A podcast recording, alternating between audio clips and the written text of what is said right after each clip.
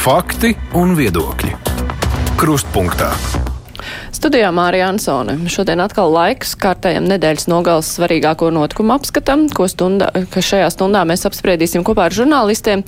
Temati būs dažādi. Atkal runāsim par valsts budžetu kas saimā tiek cītīgi tagad skatīts, bet, nu, kas neapmierina daudzus, tos ar pedagogus, kur ir atkal gatavi streikot. Runāsim arī par prasību nokārtot valsts valodas pārbaudi Krievijas pilsoņiem uzturēšanās atļauju saņemšanai. Iekšliet ministrs rosināja to ieviest pakāpeniski, bet koalīcijas partneri ar to nebija mierā. Rīgas teritorijas plāns beidzot varēs stāties spēkā, jo tagadējais reģionālās attīstības ministrs atcēls iepriekšējā ministra rīkojumu par plānu apturēšanu. Ir vairāk citi notikumi arī, bet plašāk par tiem runāsim ar kolēģiem. Šeit ir Māra Libeka no Latvijas avīzes. Sveika! Sveiki. Romāns Meļņiks, TV24 raidījuma. Nacionālo interešu klubs vadītājs. Cik svinīgi, paldies! Jā, tās redzējums tāds garš un tā. Uh, šeit ir arī Ats Rozentāls, mūsu regulārais komentētājs no laikraksta dienas. Sveiks, Ati! Un Aidis Tomsons, man kolēģis Latvijas radio krustpunktā. Sveiks, Aidi! Sveiki, sveiki, Māra! Nu, par budžetu runājot, vakar mums bija premjeras Kišāns Kariņš. Viņš skaidroja, ka joprojām atkal nu, tā nav pirmā reize, kad pedagogiem mēs nevaram tur tajā sistēmā likt iekšā vairāk naudu, kamēr šī sistēma nav sakārtota.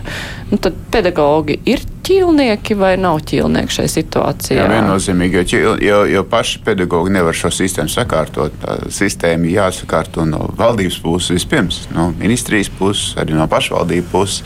Uh, un pedagogi sanāk tā, ka, nu, kad mēs tur sakārtosim, jeb, jeb nenosaucot, kas tur sakārtos, bet nu, tie sliktie sakārtos.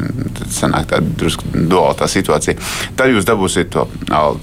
Tā pašā laikā gan pedagogi, gan mediķi, gan policisti, gan ļoti daudzās profesijās strādājušie nu, patās redzēja, kā politiķi sev pielēma ļoti lielu algu pieaugumu, kas nemaz nebija saistīts ar kaut kādu sakārtošanu, darba kvalitātes pieaugumu vai, vai, vai pārāk maz konkurences. Bet nu, par to arī skaidroja, ka bez tas, tā augšu sakārtošanas jā, tās apakšas nevarēs jā, jā, sakārtot. Jā, jā, jā, jā bet, bet tad, tad parādās arī tā nu, saistība, ja, kad, piemēram, nu, es saprotu, ka pieliek algu uh, premjeram, ministriem, deputātiem un tā tālāk, tad automātiski visai valsts pārvaldei uh, ar kaut kādu koeficientu indeksējās uz augšu algas. Tad visiem budžetniekiem, faktiski skolotājiem, mediķiem, bet vai tas ir tik?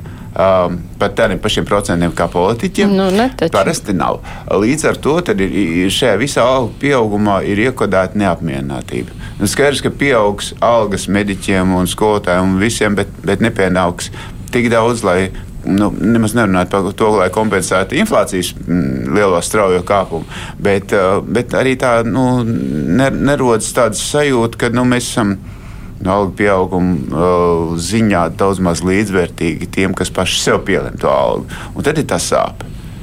Mm -hmm. Māra.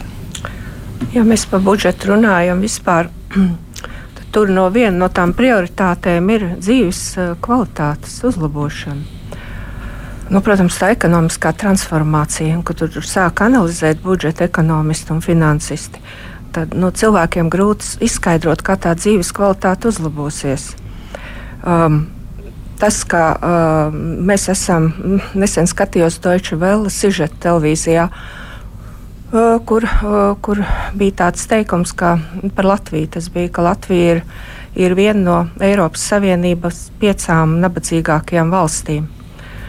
Tad jautājums, kā ar to budžetu mēs no tās nabadzības varam izrauties. Ja, ja, ja mums ir zemākais iekšzemes koprodukts joprojām uz vienu iedzīvotāju salīdzinoši Lietuvu un Igauniju.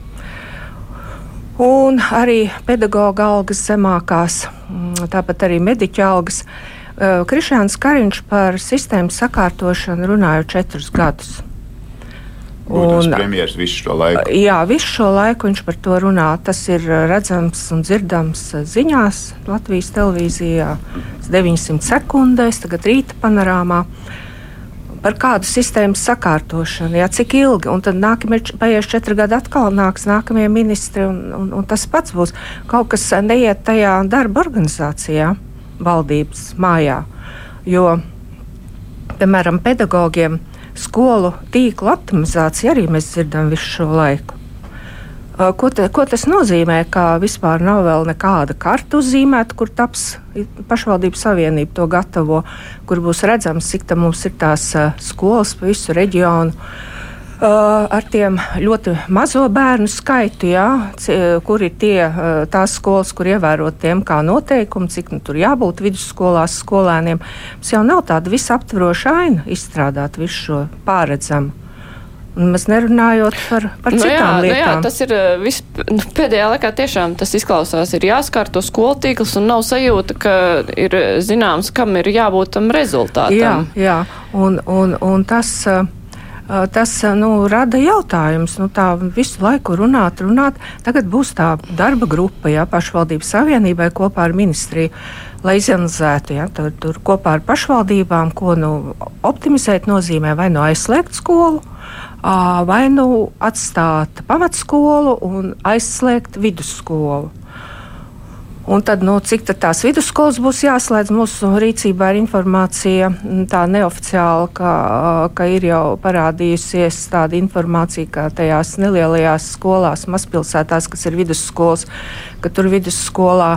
Tagad ir 40 skolēniem tas pieļaujamais skaits. Nu, tad nākotnē virzīsies uz 60. Ja to tā tiešām nolems, nu, tad laukos tās vidusskolas tiešām tiks aizslēgtas ciet.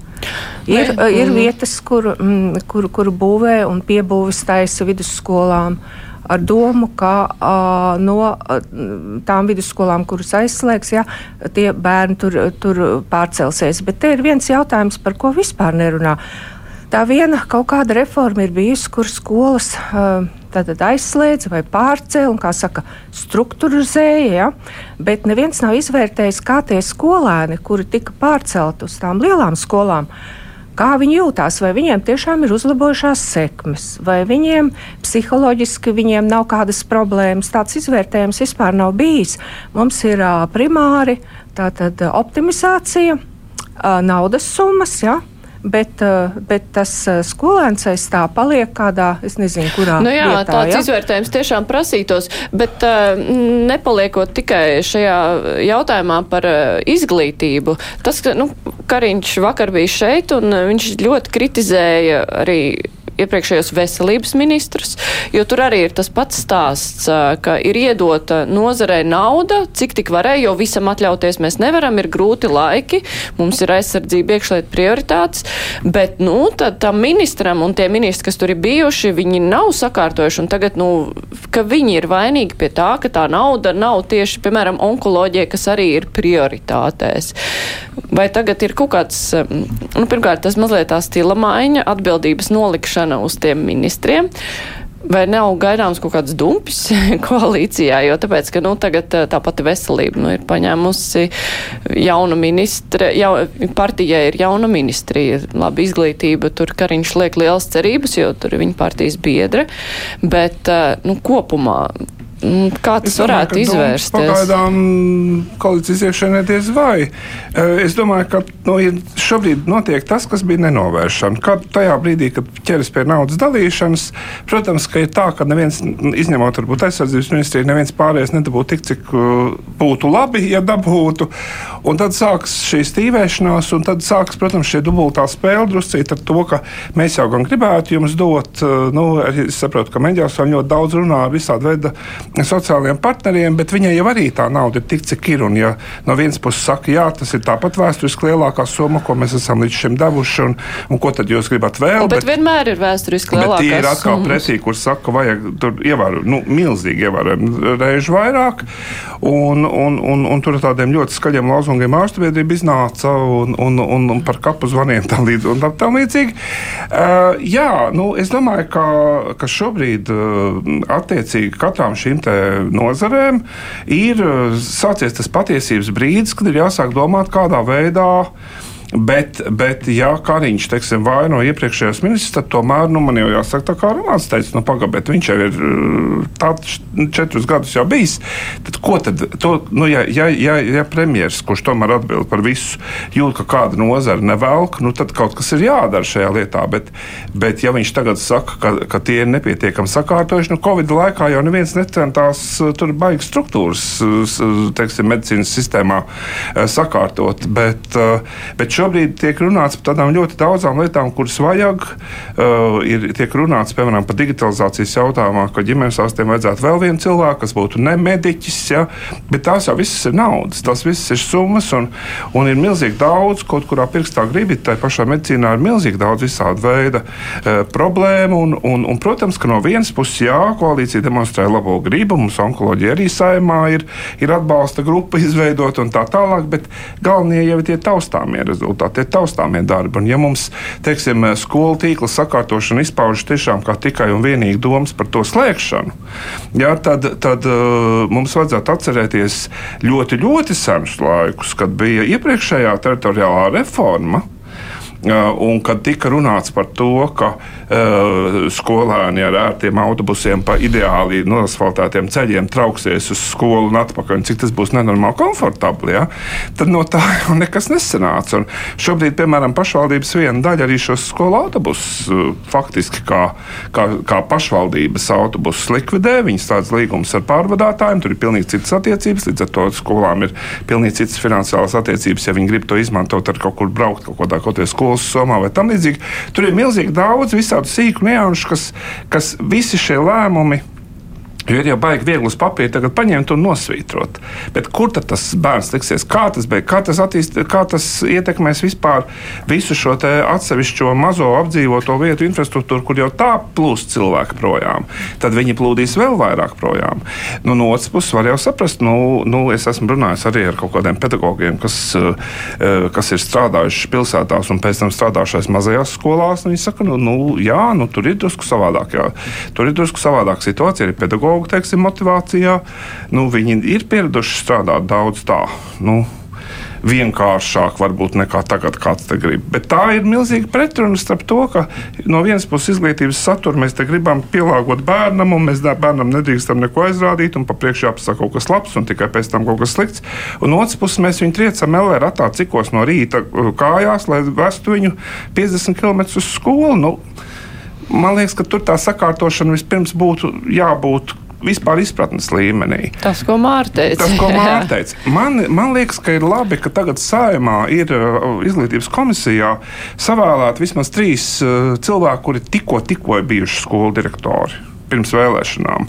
Un es no tām diskusijām, kas te tagad bija par IKVD, sapratu, ka e, šie cilvēki tīri praktiski jau saprot, nu, kur ir vājās vietas, un viņi kaut kādā veidā no savas puses var mēģināt. Bet viņi jau tāpat nav tie ne, ne naudas dalītāji, ne strateģisko lēmumu pieņēmēji. Bet kaut kādas drusku lietas var būt, ka varētu virzīties arī tāpēc, ka ir praktiķi beidzot arī šajā saimnes komisijā, kuri saprot, nu, kur paši ir gājuši cauri kaut kādām dokumentu kaudzēm, bi mm. birokrātijām un tā tālāk. Nu jā, tu gribēji pavisam īsi.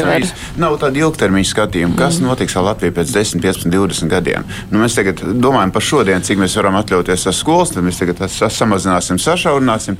Tas nozīmē, ka cilvēki vairs tur nedzīvos, cilvēki vairs uh, nestrādās tajās vietās. Tad faktiski kāda būs Latvija pēc 20 gadiem? Par to jādomā. Faktiski vajadzētu vīziju, un atbilstoši tai vīzijai, tad būvēt visu to struktūru jau, jau tagad, domājot par nākotni. Nevis, nu, ko mēs varam atļauties, to mēs darām.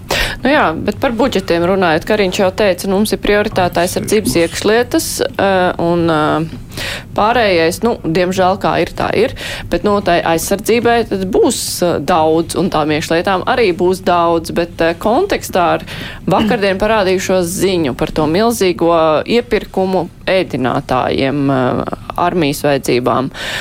220 miljoni, kur ir uzvarējis viens uzņēmums, par kura lielumu un spējām izpildīt to, tur ir šaubas. Aizsardzības ministri jau ir prasījusi paskaidrojumu par to. Bet uh, kopumā, zinot, ka šī nozara viss ir aiz desmit atslēgām, nu, tā informācijas ziņā, tur ir milzīga nauda papildus tagad iet. Aidi, kā tev šķiet, vai ar uzraudzību tur viss būs kārtībā? Ir kārtībā. Vakar premjeram uzdevu šo jautājumu, ne, ne konkrēti par to līgumu, nu viņš teica, ka jā, viņš uzticoties uh, institūcijām, bet zinot, nu, ka tās, tā nauda paliek ar vien lielāku un lielāku, un tas viss ir slepeni. Premjeras izteica cerību uz izmeklējušiem žurnālistiem, bet tie jau tur, ko, ko viņi var izmeklēt, tur, kur ir konfidenciāls visaidi, kā tev šķiet, vai tur ir jāpieliek, nu, kaut kā lielāka vērība tam, ka viss tiešām ir godīgi, caurspīdīgi nu, cik nu var būt caurspīdīgi, bet uh, lai tā nauda netiek uh, kur ir atņemta citām nozarēm kaut kā notriekta. Bail, ka es tev nepieviļu, es nezinu. es nezinu, ko atbildēt tev, jo man jau tikpat, cik saka, cik tas ir konfidenciāli. Vai tas tevi uztrauc? Tā. Es nezinu. Nē, nē, nu, protams, no kā citādi, bet, bet kā lai es pārliecinos par to, vai tā sistēma, kas priekšā ir uzbūvēta, darbojas. Mēs jau redzējām, iepriekš par budžetu runājām. Tā jau arī sistēmiska problēma ir. Tā saimniecība mums ir tik liela, ka mēs viņu nespējam visu kopumā aptvert. Nu, man liekas, ka nu, šīs nu, daudz lietas, jau, ko jūs iepriekš minējāt, nu, jau ir gadu gadiem, viņas jau nemainās. Mēs redzam, ja? tas nozīmē, ka mums jāmēģina palūkoties uz sistēmu kā tādu, un droši vien, ka aizsardzības ministrijā līdzīgi. Bet vai tur ir vajadzīgā kontrole? Es nezinu. Mēs tā varam turpināt dzīvot, nezinot. Ir, ir, ir divas lietas, divi vārdi, kādi ļoti labi, ko tu pati pieminēji. Tā tad viena ir šaubas. Ir svarīgi, ka būtu šaubas, un lai svarīgi, lai šādas lēmumus pārbaudītu un, un, un, un nu, pārliecinātos, ka viss ir kārtībā. Un lai tās šaubas neizgaisna vienkārši ik pa brīdim, lai nāk kāds, kas, kas apšauba un tad skatās. Otra lieta ir konkurence. Uh, mēs daudzās jomās sakām, ka tur trūkst konkurences vai konkurence. Nu, ir, ir aplami, ja viena kompānija paņem visu tirgu attiecīgo. Uh, tomēr vajadzētu saglabāt kaut kādas konkurences iespējas, kas arī samazinās gan tās cenas, gan arī uzturēs to kvalitāti. Nu, šī konkrētajā gadījumā jau tas aizdoma, tā aizdomā patiesībā rodas no tā, ka tur ir šī milzīgā, nu, teiksim, milzīgā starpība, ko viens bija norādījis kā iespējamās izmaksas un kā otrs. Un mums ir tūkstošiem gadījumu, ka tie, kuri uzvar ar to piedāvājumu, ka nu, viņi baigi lēti, visu darīs, pēc tam attopas, ka vai nu nevar to izdarīt, vai nu saka, ai, mēs tomēr, nu, mums tie aprēķini nebija precīzāk, piemaksājiet mums tik un tik. Un tad, tad vienmēr ir tā sajūta, ka viņi būtībā krāpjoties ir nonākuši pie šī vai nu nezināšanas pēc, vai visbiežāk tomēr arī zinot, bet, bet vienkārši izliekoties, ka viņi ir labāki nekā ir patiesībā, e, ir tikuši pie šī pasūtījuma, un tad sākas matu plūkšana un saka, vai mēs tomēr situācija ir mainījusies, maksājiet mums klāt. Un šī, šī konkrētā gadījumā, protams, kombinācijā vēl ar visu to, ka tur viens no īpašniekiem ir ziedojis Latvijas attīstībai, kur tajā laikā bija ministrs un tā tālāk, protams, ka šī ēna veidojas. Tajā līmenī protams, eh, tik tālu, kur mēs tur skatāmies, kā tā politiskā, eh, tur jau mēs varam tikt klāt un, un pas, pasakot un papētīt. Bet nu, tur, kur aiziet, eh, kā jūs teicāt, grifs, kur aiziet grifs slepeni, tur jau mēs, nu, nu tad ir vienīgi jāpārkāp likums. Es no, saprotu to, ka tiek apšaubīts iepirkums. Jā. Bet uh, es neesmu tik sīki pētījis šo jautājumu. Tie 200 miljoni, kā, kam viņi ir vispār paredzēti? Ēdināšanai. Ēdināšanas organizācija. Nu, nē, nē, to es saprotu. Eh, bet tikai ēdināšanai, jā, tas ir no iep, produktiem, ko iepirks armijai. Pakāpojums sniegšanai arī. Nu, nu, jā, jā, turklāt vēl ir kaut kas cits, ne tikai ēdināšana. Bet tur jau tā problēma jau bija vairāk tāda, ka bija jautājums par to, vai konkrētais uzņēmums tīri fiziski to var nodrošināt, jo viņam netur transporta ir pietiekamā daudzumā nekā. Nu, bet eh, iepirkums eh, tika organizēts un iepirkumā konkrēti pārstāvji, ja, kas visu to izvērtē. Prasības, noteikti. Jā. jā, un līdz ar to nu, tie arī atbild par rezultātu. Nu, taču nav tā, ka nekāda atbildība nav. Priekš tam ir arī valsts kontrole. Ja radušās tādas aizdomas, tad viņi ir tāda nu, ārkārtas tādā situācijā arī to izvērtē. Valsts ne? kontrole, diemžēl, nekontrolē ļoti daudzus institūtus. Teiksim, saimnieki nekontrolē valsts kontroli. Es domāju, ka arī armija viņi nekontrolē pilnā mērā.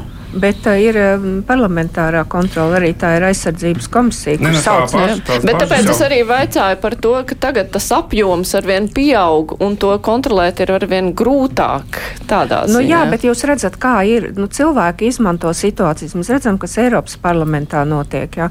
Un, un izķert uh, visus šos gadījumus, protams, vajag. Bet vienmēr jārēķinās ar to, ka alkatībai nav robežas. Jā, mēs nekad nezinām, kurš cilvēks tur tajā barā ir negodīgs un to izmanto savā savās interesēs. Un tāpēc tam ir jāsako līdzi, un tāpēc ir uh, politiķi un ir um, nu, kontrolētāji, lai skatās. Mēs to žurnālisti neizvērtēsim. Nu. Aidi. Kā, tas ir divas dažādas lietas. Viena lieta ir tad, ja ir vienkārši pārmaksāts par kaut ko. Savukārt, ja ir bažas par to, ka viņi kaut kur uh, vinnē konkursā un ne, neizpilda savus pienākumus, nu, to jau, manuprāt, ir sistēmiski Latvijā sen vajadzēja atstrādāt. Nu, proti, nu, ja tu nepildi pienākumus, līgums tiek lausts, tev pienāks attiecīgs sots, tad būtībā nekad nākotnē vairs nevar piedalīties, tāpēc, ka nu, tev ir lūk šāda reputācija. Tam sodam jābūt tādam, ka tu nekad neriskētu pieteikties, nezinot, vai tu tiksi galā. Nu, tam ir jābūt sistēmiski iestrādātam. Diemžēl Latvijā mums tas tā nav bijis. Nu, tur jau ir tā viss ķibela. Nu, labi, bet noslēdzot šo budžeta sadaļu, Aidi, kādas ir tavas prognozes? Aizies eh, budžets arī otrajā lasīmā, griezdamies, vai tur kaut kādas vēl aizķeršanās varētu būt? Nu, budžets visticamāk aizies, par detaļām noteikti strīdi būs, un iespējams arī kaut kāda deķa aizvilkšana uz vienu vai uz otru pusi arī būs, kas ir normāli. Bet nu, tas jau ko ļoti gribētos. Nu, labi, te nāk. Šī nu, patīk vai nepatīk, bet apvienotais saraksts ir nācis ar to savu stādījumu, ka viņi grib sistēmiski lietas pārskatīt. Jā, tur ir runa gan par nodokļu, jo tas stāsta arī par ieņēmumiem, ne tikai par izdevumiem. Jā. Nu, tā tad labi. Mums ir tagad gads laika līdz nākošajam budžetam. Lūdzu, strādājiet tā, lai nākamajā gadā viena daļa no šiem jautājumiem, kas šobrīd ir aktualizēti, vairs nebūtu aktuāli. Nu, vai to viņi izdarīs, to ja mēs redzēsim. Bet, nu, principā, visi saprot, ka, nu, jau ir februāris, pieņems budžetu martā, nu, nevar atļauties tur gāzt ārā budžetu un taisīt kaut ko jaunu, gāzt valdību, nu, nu nevar. Nu, šobrīd noteikti jā, bet tas, ko es gribētu, protams, šajās visās runās, un, un es gribētu, kā kāds tā nopietnāk un pēc būtības apsolītos pieķerties bērnu ekonomikas samazināšanas, kur, kur, kur tomēr arī, nu, nu, tā ir tā nauda, kas iet budžetam garām. Un, Un es līdz šim esmu dzirdējis tikai labākā gadījumā kaut kādas deklarācijas par to, bet tādu reālu plānu jau acīm redzot nav. Uh, bet, bet, bet es domāju, ka šī konkrētā gadījumā, jā, tur kaut kādas pozīcijas noteikti pārbīdīsies, pamainīsies, bet tādu milzīgu pārsteigumu es domāju, ka diez vai varam toties pie Rīgas attīstības plāna. Tas ir no Rīgai, var teikt, ir eh, svētki, jo tas eh, pagājušajā gadā, ka pēkšņi tika atcelts šis teritorijas plāns, nevis attīstības plāns. Uh, tagad uh, Sprindžuks ir atcēlis pleša rīkojumu iepriekšējo, kas tika ļoti pamatots, un es pieļauju, ka tieši ministrijas ierēģiem bija visgrūtākais tas brīdis, ka tev ir jāpamato, kāpēc atcelt iepriekš sagatavoto rīkojumu, bet tur pa vidu bija likuma grozījumi, kas ir ļoti būtiski, kur tās juridiskās nepilnības tika tad uh, labotas. Nu, bet kopumā, kā tas izskatās, nu, arī atskatoties atpakaļ uz to, kāpēc plešam vajadzēja pieņemt to rīkojumu, tas nu, paliek, bija saistīts ar azartspēlēm un cita nekā. Roman, kā tev tas viss kopā izskatās? Redzam, tā de deķīša mēs nevaram palūkoties, kā, kā, kā viņi tur, kāds ir katram intereses. Skaidrs, ka azartspēles ir viena no lietām, kas, kas neapšaubām arī parādās virspusē un um, ko mēs vislabāk varam vērtēt. Bet, uh, Pats fakts, ka tiešām ir bijis uh, politiska griba vienā gadījumā uh, nepieļaut šo dokumentu, un otrā gadījumā politiski grib pieļaut, un tad tas tiek pakārtots. Protams, tās likuma izmaiņas ir ļoti būtiskas, bet, bet skaidrs, ka pilsētai ir ļoti svarīgs šis dokuments, un uh, viņa nepieņemšana faktiski no tādām tā vietā, lai, lai rādītu te jums konkrētas lietas, kas ir jāizmaina un, un, un ejam kopīgi ceļu, lai pieņemtu, tad toreiz bija tas pretnostatījums. Nu jā, tāpēc ir tik ļoti nozīmīga lieta, jo pilsētāji tas ir, tā ir milzīga nauda jā, un jā. tik daudzas lietas, kuras nevarēja sākties, un tas viss tiek tā raustīts ar vienkāršu politisko gribu, mm. nu, kaut kādām vajadzībām. Tas tā normāli. Nu jā, es nezinu, kas aprēķinās tos zaudējumus, kas radušies šī iemesla dēļ. Un no kā piedzīs? Jā, un no kā piedzīs. Mums tā baigi ir tā, tā normāla. Neviens ministrs ir apturējis, neviens tā rīcība ir nav izvērtējis. Un zaudējumi radušies. Saprotu, ka investīcijas nav piesaistītas tā, kā varēja piesaistīt. Labi, tur 11,000 aizgājis atversmes tiesā, lai sagatavotu pieteikumu. O, bet kopumā nu, izskatījās, tur bija saprot, divi teritoriālie plāni. Tas viņam bija arguments. Viens bija jā, kas veciem, attiecās jā, uz vēsturisko centru. vēsturisko centru un pārējais, bet plus vēl bija šīs azartspēles, un ja mēs atceramies to gadījumu Nu, Pleša teica tā, ka ir saistošie noteikumi, un tad, lai katra pašvaldība pieņem, un ķekau, protams, pieņēma, bet ministrija atcēla tos noteikumus par azartspēļu, azartspēļu zāļu izvietojumu. Skaidrs, ka tas nav normāli, kā Rīgā mēs atceramies, tagad drusciņi samazinājās azartspēļu zāļu skaits, bet tas, ka viņām jāatrodas 4 un 5 zvaigžņu viesnīcās, tas jau, man liekas, Ušako laikā tika runāts un pat nolemts. Es atceros, man viens radiņ, tas paziņa no Lielbritānijas ieradās, un pirmais, ko viņš jautāja, kas jums tie, tie, tie zilais dimants un, un kas tas otrs tie ir veikali jums? Mm. Pēc laika viņš atbrauc, viņš saka, nu, jums drusciņi mazāk, bet, bet nu, viņš, viņš bija daudzās valstīs bijis. Viņš teica, nu, tā kā pie jums viņš nekur nebija redzējis. Tas akcents uz tām azartspēlēm ļoti pareizs, un tas, kā plešs to bremzēja, tas ir nesaprotami, tas nav loģiski saprotami saprotam, jā. Saprotam, Nē, nu, Protams, ka zināms, mēs, mums nav tādu pierādījumu, lai mēs to visu tā smuki, un kādam tas ir jāizvērtē. Es domāju, tā nevar palikt. Ne, nu, Staķis jau vakardienas preses konferencē pateica to azartspēļu vietu skaitu, kas tiks atkal slēgts pēc šī. Un, un pateica arī, ka līdz šim visas tiesvedības ir, ka viņš sagaida, ka šīs tiesvedības būs lielā daudzumā, bet ka līdz šim visas tiesvedības Rīgas doma ir vinnējusi. Bet uh, tas, kas attiecas vispār uz šo plānu kopumā, man jau tomēr liekas ārkārtīgi simptomātiski tas, ka Vilnis Čirsis arī šai pašā preses konferencē teica, ka ka viņi ir mēģinājuši no Rīgas domas puses iet uz ministriju tolaik ar, ar, ar dažādiem piedāvājumiem, kā risināt šo lietu. Un ministrija bija jau pilnīgi tā kā siena pretī, ka pilnīgi neko, pilnīgi neko, pilnīgi neko.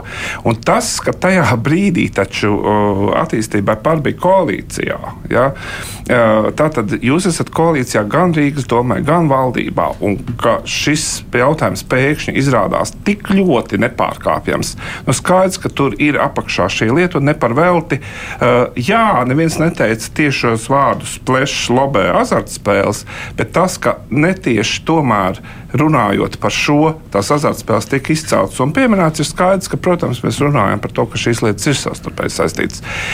Tas, ka mm, ir atsevišķi, viena lieta ir par to, ka cik mājas ir neuzbūvētas vai kaut ko tādu, ko varbūt arī mēs nevaram pateikt, ka tās mājas noteikti tiktu uzbūvētas šajā laikā un, un, un, un saskaitīt, ka tas ir simtprocentīgi tik zaudējumi. Jo varbūt būtu citi faktori, kāpēc tās neuzbūvētu.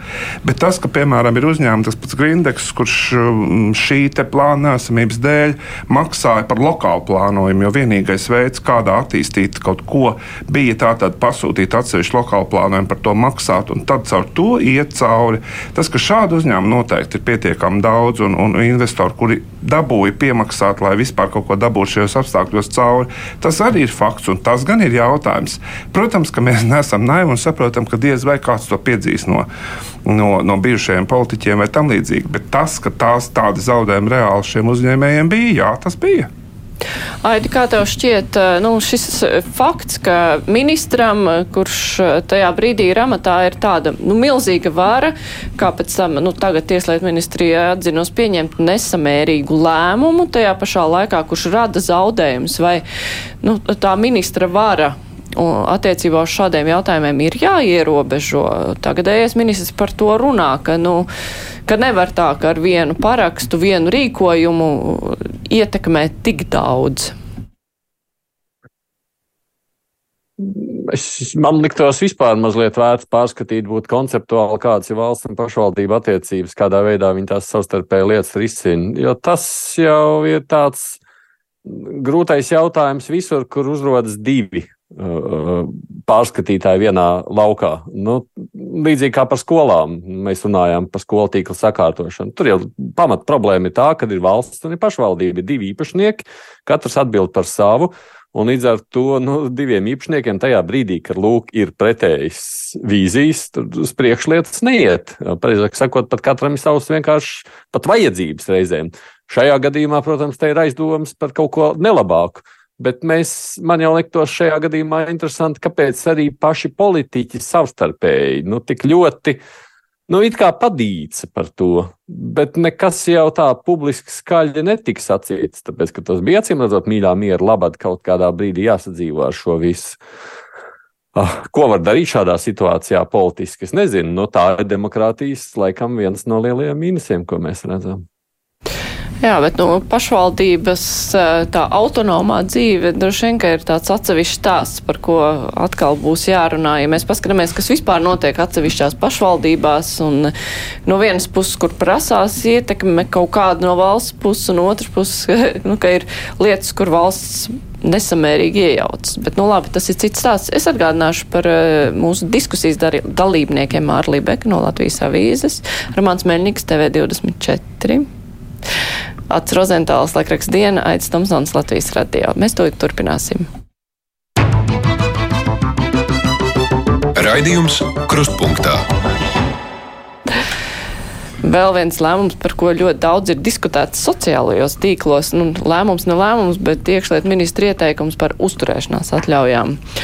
Krievijas pilsoņiem eh, tur ir apmēram mazāk, tā izskatās, nekā 18 tūkstoši cilvēku, kuriem ir līdz septembrim jānokārto latviešu valoda A2 līmenī tests, nu, pārbauda lai varētu uztē, atjaunot savu uzturēšanās atļauju, pat tad, ja tā nav beigusies, iekšēt ministrs ierosināja ļaut viņiem tās atļaujas lietot, kamēr viņas ir, bet tomēr viņš atteicās no šīs ieceres. Šajā te visā pirmkārt, vai tur būs, jūs prāt, kaut kādi sastrēgumi, jo viena lieta ir tas pilsonības un migrācijas lietu pārvaldes, nu, kapacitāte, kā tagad moderni ir teikt, viņi ar ID kartēm īsti netiek galā. Otra lieta ir eh, šīs eh, valsts valodas pārbaudas, kuras izglītības satura centrs, eh, ja nemaldos, organizē. Un tur ir milzīgs daudzums cilvēku. Es nezinu, cik tūkstoši tagad ir, ka pēdējā ziņas bija, ka bija 2000 pieteikušies, bet nu, tur ir liels apjoms cilvēku, kuriem ir jākārto. Un par ko vispār te ir vairāk jārunā? Par to, kā to izdosies norganizēt, vai arī to, vai šie cilvēki zina latviešu valodu? Ne, principā visiem, kas dzīvo pastāvīgi valstī, protams, jāzina valsts valoda. Par to vispār šaubas nav. Vai tie cilvēki būs lojāli valstī, ja viņi zinās valodu, vai viņi turpinās būt nelojāli? Nu, tas arī ir tāds apšaubāms jautājums. Es zinu, ļoti daudz, nu, es zinu, ka ir virkne labi latviešu valodu protošu citautieši, kuri ir, skatās Krievijas televīziju un domā, ka, ka tā tanka nāks iekšā. Un, kur ir pilsoņi? Tur, kur ir arī pilsoņi. Tas nav tik viennozīmīgi vērtējums, ka valoda, tā tad lojalitāte, tā tad uh, mūsējais. Mm, jautājumā par, par to 1. septembri, par valodas pārbaudi, te ir atkal daudz komplekss. Pirmkārt, vai, vai spēs pārbaudīt visiem tās valodas zināšanas? Otrakārt, kas, kas sekos, ja viņi neprot? Vai tur nebūs ļoti sarežģīta pārtiesāšana, un vai vispār mēs no starptautisko saistību, starptautiskās likumdošanas viedokļa vispār varam viņus striekt ārā, ja viņi, piemēram, ir ģimenē.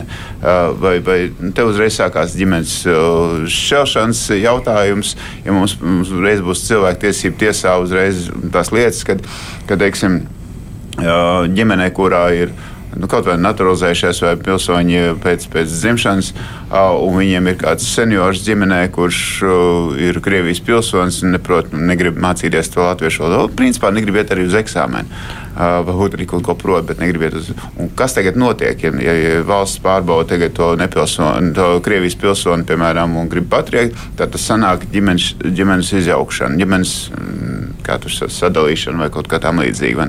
Un tas savukārt var būt stiprāks uh, juridisks arguments nekā mūsu valsts pieņemtais. Tur, tur, tur sāksies tāda, tāda likumdošanas uh, kauja, tāda liku, tā likuma pārtiesāšanas, ka, ka nu, maz neliksies. Es domāju, ka ja, tieši tāpēc arī iekšlietu ministrs iebilda par to termiņu, varbūt vēlāk arī nomanevrē politiski, bet, bet eh, manuprāt, eh, viena lieta ir labie nodomi.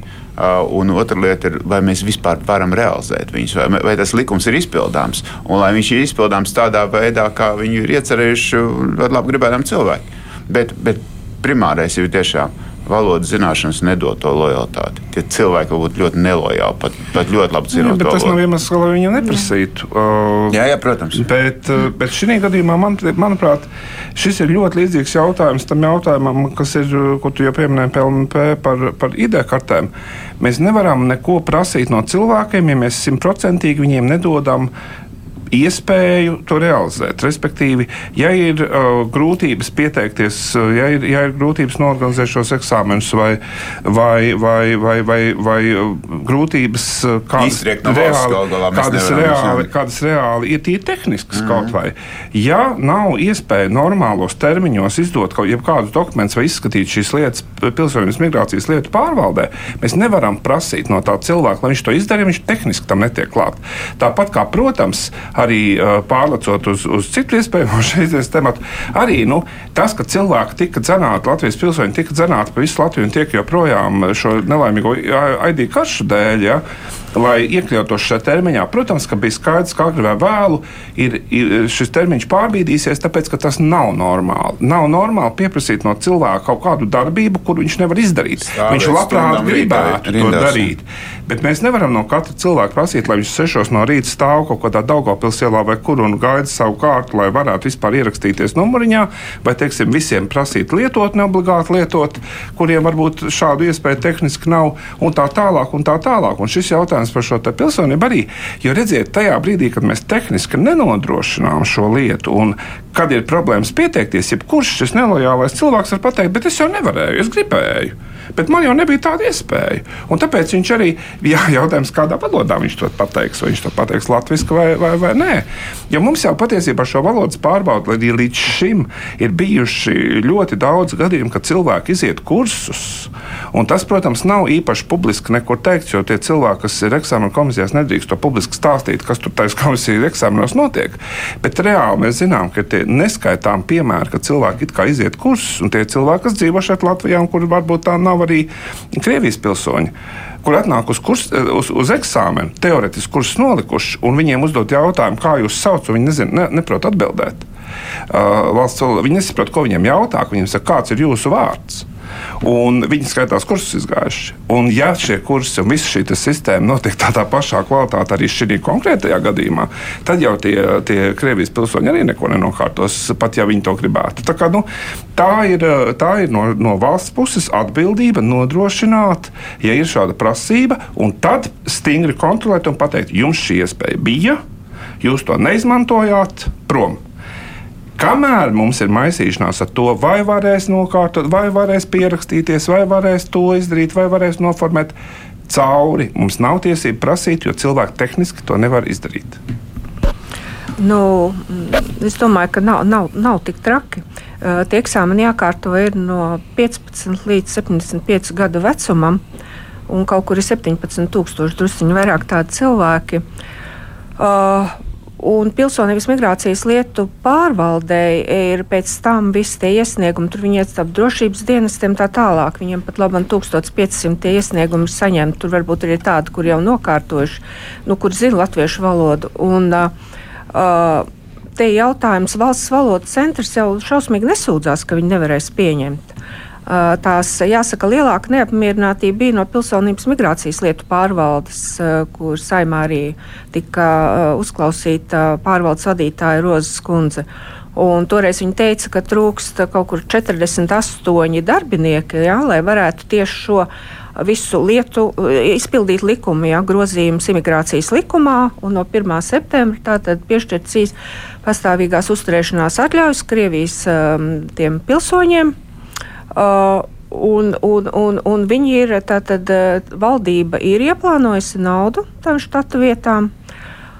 Uh, jautājums ir par cilvēkiem, vai izdosies atrast. Uh, Tur apmēram tie atalgojumi kaut kur uh, ap 900, drusciņi vairāk, nu kaut kur tādās robežās, ja, un tur ir nepieciešami cilvēki ar juridiskām zināšanām. Um, Nu, es nezinu, pilsonības migrācijas lietu pārvalde tā, tā ļoti neprotestē, ka viņi tur nepaspēs, neko nevarēs izdarīt. Es domāju, ja likums ir pieņemts, tad tas likums ir jāizpilda. Un, Pat labi nav tā, ka ir uh, kaut kādas ļoti lielas sūdzības bijušas, ka nebūs iespējams to izdarīt. Es domāju, ka to izdarīs. Beidzot, arī ir nu, sapratuši, ka pilsonības migrācijas lietu pārvaldē jā, jādod lielāks finansējums, lai varētu algot darbiniekus, kas ar to arī nodarbosies, to iesniegumu pieņemšanu. Nu jā, nu te ir arī otrs jautājums, ir kāds pamats ir uzskatīt, ka šie cilvēki tiešām nezina es... latviešu valodu, jo, nu, man. Es gribēju vēl mm -hmm, piemetināt, jā. ka viņus jau nemetīs ārā no valsts. Viņiem kā skaidroja Pilsonības migrācijas lietu pārvalde, tās termiņu uzturēšanās atļaujas iedos kaut kādu zināmu laiku, un tad tur es nezinu, kas tālāk notiksies. Jā, bet tā nebūs, ka viņas. Nu, nu, nu jā, ne, bet es arī par tām valodas zināšanām runājot par kurspējumiem vispārējo. Nu, man personīgi nu, tā, ir tā, ka ir cilvēki, kuri principiāli nerunā latviešu valodā. Nu, tad tiem un, arī nevajag. Nu. Uh, un uh, ir, viņi tēlo, ka viņi nezina, bet tā kā nonāk situācijā, kad ir nu, kaut kas jāpasaka, tad izrādās, ka, nu, zina gan. Un, un eh, eksāmenis nokārtos, bet ikdienā nelietos. Un A2 līmenis ir, eh, nu, Jā. tur nav nekā sarežģīta, un ar to var gandrīz katrs tik galā, kurš ir kaut ko dzirdējis, eh, nu, blakus latviešu valodu. Nu, tā nav, ka nekas nav pielipis. Bet uh, jautājums ir par cilvēkiem, kuri negrib, kuri principiāli līdz šim ir izvairījušies kārtot jebkādas latviešu valodas pārbaudas, jo tāpēc, ka tas ir zem viņa goda. Vai nu, tas, kā, kādu cilvēku varētu būt vairāk, to, kuri tiešām nezina, vai tie, kuri principiāli negrib. Un arī tas jautājums, kāpēc viņi vispār ir izvēlējušies Krievijas pilsonību, jo daudz ir paņēmuši, nu, iespējams, arī pensiju dēļ. Ir jau tur daļa, kura, kura varēs saņemt ārsta izziņas, nu, tur attiecīgi kritēriji, kādos gadījumos izsniedz, lai varētu nekārtot to eksāmenu. Un mēs zinām, ka Latgals pusē jau bija informācija, ka tāda diezgan daudz ir cilvēku, un te nu, arī bet, godīgums parādīsies no mediķu puses, protams, un te ir arī tādas. Nu, nu bet tādām tādas. izziņām jau ir arī sekas vēl citas kaut kādas. Pirms daudziem gadiem, neatceros, pasmit gadiem parādījās arī ziņas par to, ka vienai daļai Latvijā dzīvojušo tā saucamo nepilsoņi ir Krievijas pilsoņu pasis, un nemaz nav tās datu bāzes ar Krieviju saskaņots. Viņi faktiski izmanto šos abus status, divus mm, pasis. Brauc jā, uz divām jā, pusēm. Jā, jā, Aidi, kā tev šķiet, vajadzēja ievilkt šo garumā, vai ir normāli, ka nu, 1. septembris darām, un tad jau skatīsimies, kurš būs palicis neizpildījis šo prasību? Nē, nu, es domāju, tā kā kolēģis sacīja, tur neko jaunas baigi nepat sacīšu, ja to tehniski ir izdarāms, tad tā, tā, tā sistēmai jābūt tiešām tādai, ka tā ir gan cilvēki, gan resursi, gan nauda, gan iespējas, ka tu to vari izdarīt. Ja tu to vari izdarīt, tad termiņš ir īstais. Ja to nevar izdarīt, jāskatās, kurš ir īstais termiņš. Nu, tā ir būtībā politiski izšķiršanās. Tur jau nekas daudz nav. Tas ir jautājums par to, ka tev jānodrošina iespējas to izdarīt. Visādi citādi. Nu, tur jau nav pat īsti vairs par ko diskutēt, man šķiet. Runājot par ID kartēm, mēs jau sasaistījām to. Nu, tur arī bija stāsts, ja var izpildīt, tad darām. Mm, visu laiku ļoti uzstājīgi tika uzsvērts, ka vajag tās ID kartes obligāti visiem, un mēs no tā neatkāpsimies. Vienbrīd tas termiņš tika pavilgts garām, bet tagad izrādās, ka tomēr var iztikt. Tā pazemojošā situācija, ka cilvēkiem piecos no rīta bija jāstājās rindā un pirmie 200 var izstāvēt un dabūt, un, un 201 nedabūt to iespēju. O, un, un, un tā, tā kapacitātes uh, nepietiekamība, tā jau ir kādu gadu. Nu, to taču varēja laicīgi mm, pielēmt, ka mēs tagad pārvietosim to termiņu drusku tālāk un, un laicīgi. Nu, tagad jau gan izvēlēja tūlīt tie termiņš, un, un tad tikai aptver, ka tie cilvēki tiešām ļoti apzinīgi ir stāvējuši un izstāvējuši. Un tagad izrādās, ka viņi pievilti. Tur jau ir tāds nianses. Nu, pirmkārt, um, Kāpēc neļāva, kāpēc neļāva iepriekš rakstīties elektroniskās rindās? Tāpēc, ka saka, ka nu, no pilsonības migrācijas lietu pārvaldes puses esmu dzirdējis, ka ļoti daudz cilvēku neatnākuši šiem laikiem. Bet, ja jau ko, mēģinātu kaut kādā veidā savietot, ja, ja, ja izveidojas rops, tas cilvēks nav atnācis, tad no dzīvās rindas uzreiz var iepludināt iekšā kaut kā tā, mēģināt elastīgi darboties. Man ir baigi viegli runāt šeit, tā sēžot. Var jau būt, ka to uz vietas tehniski ir sarežģīti kaut kā izveikt. Bet arī nu, es pats personīgi pagājušajā pagājušā gada vasaras nogalē izdarīju to ļoti ātrā brīdī, kad ieviesa, vai tas jau bija rudens, kad ieviesa šo lietotni. Es pamēģināju, kā tas ir, un patiesībā pieteicos kaut kādos vienos dienā. Pamēģināju, man neizdevās, aizbraucu uz pašu pilsonības migrācijas pārvaldu Daugopils ielā. Tur arī bija liels uzraksts, ka pagaidām to nevar izdarīt.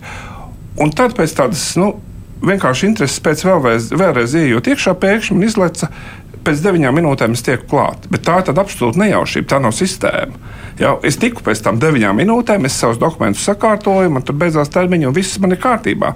Bet prasīt no cilvēkiem uh, visiem, lai viņi tagad izbrīvē savu brīvu dienu, brauc kaut kur, es zinu visus šos stāstus, kurš brauc uz cēsīm, kurš uz limbažiem, kurš uz uh, tālsiem, vai kuldīgi, vai sazinku. Ja? Saka, pie mums kuldīgā var tur cik tur tās minūtēs, bet aizbrauc līdz tā kuldīgai. Tā ir divreiz pie tam. Un tā ir vēl viena lieta. Pirms kāda laika viena man kolēģi intervēja Māra Rozi, viņa bija toreiz ļoti optimistiski teikusi, ka varēs atrisināt tādā veidā, ka otrais cilvēkam pakaļ nebūs jābrauc, jo varēs aizsūtīt uz viņam pašvaldībā esošo mm, to pieņemšanu, to, to pieņemšanu klientu, klientu apkalpošanas centru un saņemt tur Tas nav noticis, tas nav izdarīts. Tātad kāda, kaut kāda ideja šāda ir bijusi. Jautājums, kur viņi ir atdūrusies, kurā brīdī tas tomēr ir pateicis, nē, mēs to nedarīsim. Protams, tas ir dokuments. Protams, to nevar aizsūtīt vienkārši iemetot pasta kastītē. Bet tas, ka šī labā griba it kā kaut kādos veidos ir bijusi un tā nav realizēta, un ka šī, šī sistēma joprojām ir, ir absolūti neērta cilvēkam, tiešām brīžiem arī pazemojoša un, un, un, un ļoti daudz daudz resursu, laika un nervu prasoša.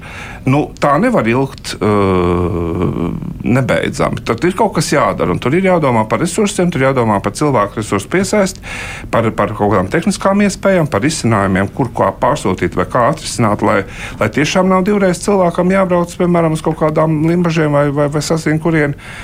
Tas ir skaidrs, bet nu, es nezinu, vai ar to šobrīd kāds tā rūpīgi nodarbojas mēs varam šoreiz priecāties, ka mūsu, mūsu kaimiņiem, Igauniem, var nekādā jēgā neiet arī tādā.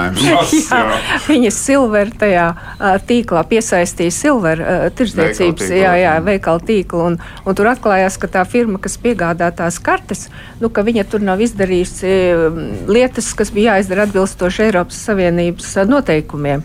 Līdz ar to apturēja to, tās kartes anulēja, kuras izsniegtas, jā, un tad viņi tur arī cīnās. Viņiem vēl trakāk. Mēs mēs vēl neesam tādu, jāsaka, faileri sataisījuši. Viņiem bija pielaist pie kādas izdo, izdošanas. Jā, nu, jā bet uh, par ko es uh, arī sākumā vaicāju, ir tas fenomens, ka sākumā ar putām uz lūpām tiek apgalvots, ka kaut ko noteikti nevar darīt, nu tā, ka pilnīgi mēs nevaram no tā atkāpties, jo tas ir, nu, tas ir ārkārtīgi svarīgi, un pēc tam izrādās, ka ne, nu var jau, un tas notiek pēc kaut kāda tāda ilga moku ceļa. Vai tā kā tev šķiet, tā ir tāda tradīcija, ja tas, man liekas, nav pirmais gadījums. Nu, ka vajag vispirms izmocīties un pēc tam sāk domāt, a, kā tad īsti ir ērti cilvēkiem. Šī bija tāda reize, kad īstenībā nebija līdz galam arī man no paša sākuma saprotams, kāpēc obligāti visiem jānomaina dokumentus un kāpēc pasi vairs nē, bet tagad obligāti ID karti, jo tur nekādas lielas loģikas tajā visā nebija.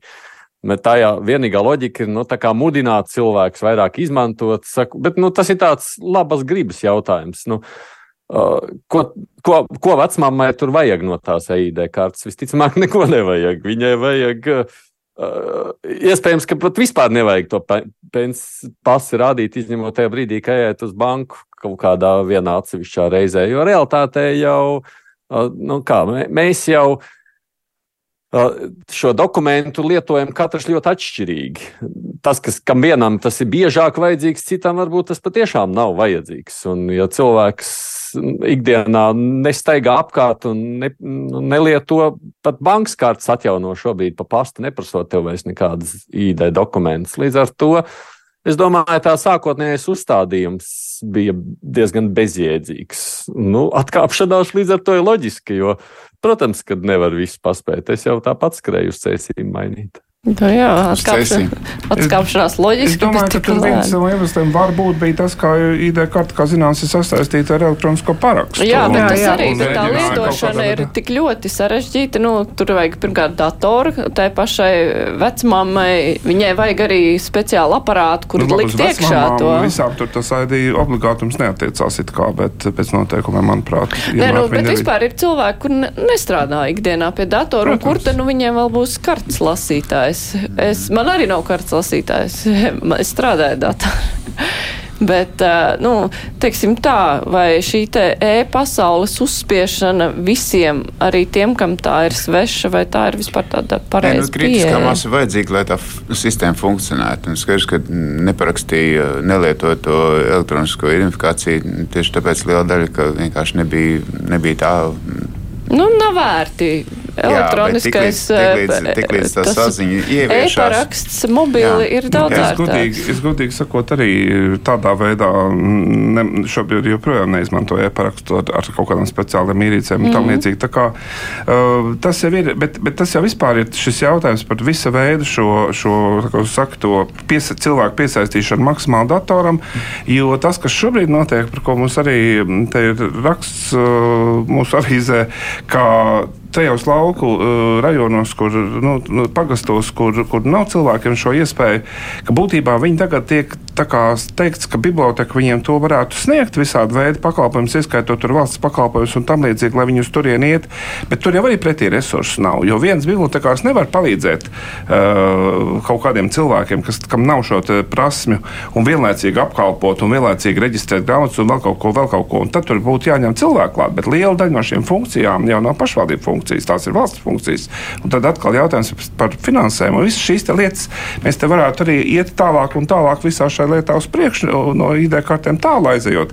Bet vispār šo elektronisko pakalpojumu sniegšanas uh, kārtība un, un, un tas uh, kurs uz to, ka mēs ļoti daudz ko darām tikai elektroniski, tikai elektroniski, tikai elektroniski, nu, jā, nu, tas rada vienai daļai cilvēku tādu stresu papildus, tāpēc ka viņiem nav šo tehnisko iespēju pie sevis uz vietas to izdarīt. Nepārkāpjot noteikumus, viņš daudzas lietas mums nevar izdarīt. Tāds lauka bibliotekārs nevar cilvēkam, kas ir nu, formāli svešs, palīdzēt ievadīt kaut kādus personas datus kaut kādā mm. datu, datu sistēmā. Viņš nedrīkst redzēt tos datus, viņš nedrīkst būt tam datoram klāt tajā brīdī. Bet, bet tas cilvēks savukārt, tas seniors, kas ir nonācis tajā situācijā, viņš bez tādas ārējas palīdzības nemaz nevar neko izdarīt.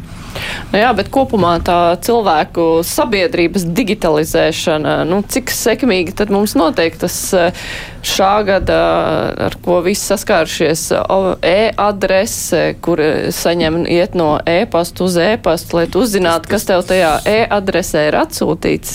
Tik, jā, tik, tik sarežģīti tiek būvēts. Ja mēs bet zinām, ka bankas identifikācijas sistēma ir uztaisījuši samērā vienkārši, mm. bet savukārt tās sistēmas, kas te Latvijā vēl tiek taisītas un, un vēl pie piekabināmā. Tur, tur tiešām tās eh, septiņu pakāpju verificēšanās un pāriešanas no viena atnāk vēstule, pēc tam tev jāiet sistēmā, pēc tam jānoskaidro, ka tev tā sistēma paziņo, ka tev ir citā sistēmā arī kaut kāda vēstule atnākusi, un tad tu nonāc līdz tam gala rezultātam. Tas ir radīts nelietotājiem, tas ir radīts uh, sistēmu veidotājiem. Viņi uztaisījuši, kā viņiem var ērti kabinējuši vienu sistēmu klāt otrai, bet viņi nav skatījušies no lietotāja viedokļa. Nu jā, galvenais, lai nav tā kā ar EIT lēmumiem, ka cilvēki, lai neizmocās pārāk ilgi pēc tam, kad tiek mainītas šīs sistēmas. Nu labi, tas tāds vēlējums. Es teikšu paldies Ats Rozentāls no Laikrakas diena, Romāns Mēļņiks no TV24, Māra Libeka no Latvijas avīzes un Aits Tomsons no Latvijas radio kruspunktā. Šodien komentēja nedēļas notikumus. Nākamnedēļ mēs runāsim daudz par Ukrainu, jo būs apritējis tieši gads kopš Krievija tā ļoti atklāti un vērienīgi iebruka Ukrainā. Un pirmdien Aidim būs intervija ar bijušo Ukrainas prezidentu padomnieku blogeri Oleksiju Arestoviču. Aidi, vēl tev veiksmes šajā intervijā. Mums visiem būs ko klausīties savukārt. Rēdījums izskan, producente ir Evi Junāma, studijā bija Mārija Ansona. Visu labu! Tiksimies arī kādā dienā nākamnedēļ, otrdien tātad. Visu labu!